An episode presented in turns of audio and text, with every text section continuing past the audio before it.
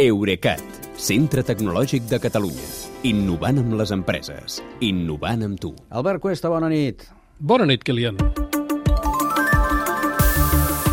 1.100 seccions teves avui, sí? Sí, si no m'he descomptat, és això. Està bé, doncs, escolta'm, contents de poder fer la 1.100 i demà farem la 1.101 i anirem tirant. La, mil, la 1.100 va d'usuaris de mòbil, els més joves, que trien iPhone, dius, per la pressió social? Si més no, als Estats Units. Uh, aviam, la meitat dels smartphones que es venen allà són iPhones, a 15 punts més que fa només 4 anys, i el doble de quota de mercat que aquí. I resulta que un de cada tres d'aquests mòbils Apple és a les mans d'una persona de la generació Z, que són els nascuts després de 1996. Aquesta proporció de joves amb iPhone triplica la que trobem entre els usuaris de mòbils Samsung. I com s'explica aquesta preferència dels més joves pels iPhones? Doncs, segons diu el Financial Times, és perquè no volen quedar exclosos del seu cercle social.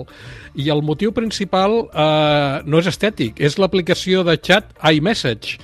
El diari explica que en un mateix grup de xat es poden incloure números de telèfon d'usuaris de mòbils Apple i també d'altres marques, però que la presència d'algun d'aquests, només d'un, fa que tot el xat de grup passi a tenir lloc, a desenvolupar-se mitjançant missatges SMS i així es renuncia a les funcions avançades d'iMessage i d'altres plataformes com la confirmació de lectura, el xifratge del contingut o moltes altres.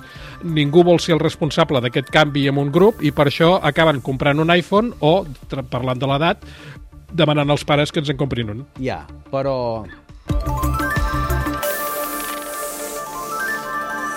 A nosaltres que no hi entenem, se'ns acut. Apple no podria treure un iMessage, o un iMessage, o com s'hagi de dir, també per Android? Aquí, aquí es, això, iMessage és el nom genèric, aquí l'aplicació es diu Missatges. Missatges. Però sí, efectivament, podria treure-la, com que de fet és el que ha fet aquests últims anys en versions per mòbils Android d'alguns dels seus serveis com Apple Music i Apple TV+. Però, en canvi, des de que el iMessage va sortir gairebé 12 anys amb la versió 5 del sistema iOS, l'empresa sempre s'ha resistit a ampliar-ne l'abast als usuaris d'altres telèfons perquè considera que una aplicació de iMessage per Android Uh, més que beneficiar el seu negoci, el perjudicaria uh, d'allò més, i és el seu negoci, que és vendre aparells. Bé, doncs anem a un segon, però... No podien renunciar a l'iMessage o als message aquests que deies tu dels joves xatejant tots amb WhatsApp, Telegram o Signal? Eh, També podrien, però la veritat és que no ho fan, perquè l'ús de WhatsApp als Estats Units està molt menys estès que aquí, i és precisament perquè es fa servir iMessage, que ja ve inclòs amb el sistema operatiu dels iPhones, vull dir que no t'has de eh, descarregar ni res ni donar-te d'alta al lloc. De fet, els mòbils d'Apple no tenen cap aplicació separada per enviar i rebre SMS. Això es fa amb, amb l'aplicació d'iMessage. Si tu hi escrius un missatge i el destinatari té un iPhone, el que rebrà és un iMessage, però si no, rebrà un SMS. I això, eh, tot i que molts usuaris no en siguin conscients, també passa aquí. La diferència més visible és que les bombolles de text de l'iMessage són blaves i les dels missatges SMS són verdes. Ok. Aquesta fidelitat juvenil als iPhones sembla que li augura a Apple un gran negoci pel futur, no? Sí, perquè l'iPhone no és només el producte més venut i més rendible d'Apple, sinó que té un efecte dominó amb la venda d'altres aparells de la marca.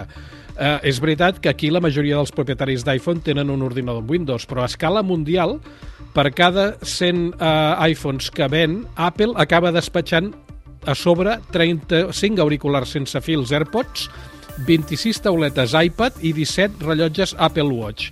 En canvi, tornant a comparar amb Samsung, per cada mòbil Galaxy la marca coreana ven només 6 auriculars Galaxy Buds, 11 tauletes Galaxy Tab i 6 rellotges Galaxy Watch. Seria allò de trio tots els aparells de la mateixa marca i així m'asseguro que s'entenen entre ells. Eh, seria això, sí. És l'anomenat efec efecte ecosistema. Potser no és tan...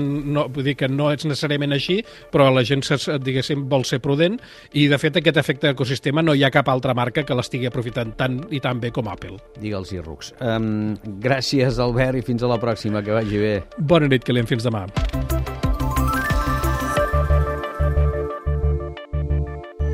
Eurecat, centre tecnològic de Catalunya. Innovant amb les empreses. Innovant amb tu.